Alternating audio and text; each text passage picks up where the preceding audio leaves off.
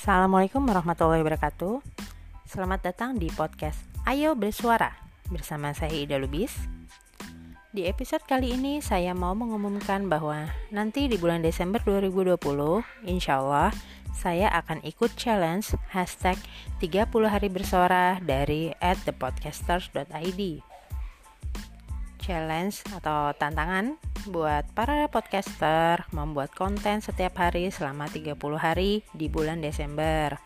Topiknya nanti sudah disiapkan oleh teman-teman dari thepodcaster.id.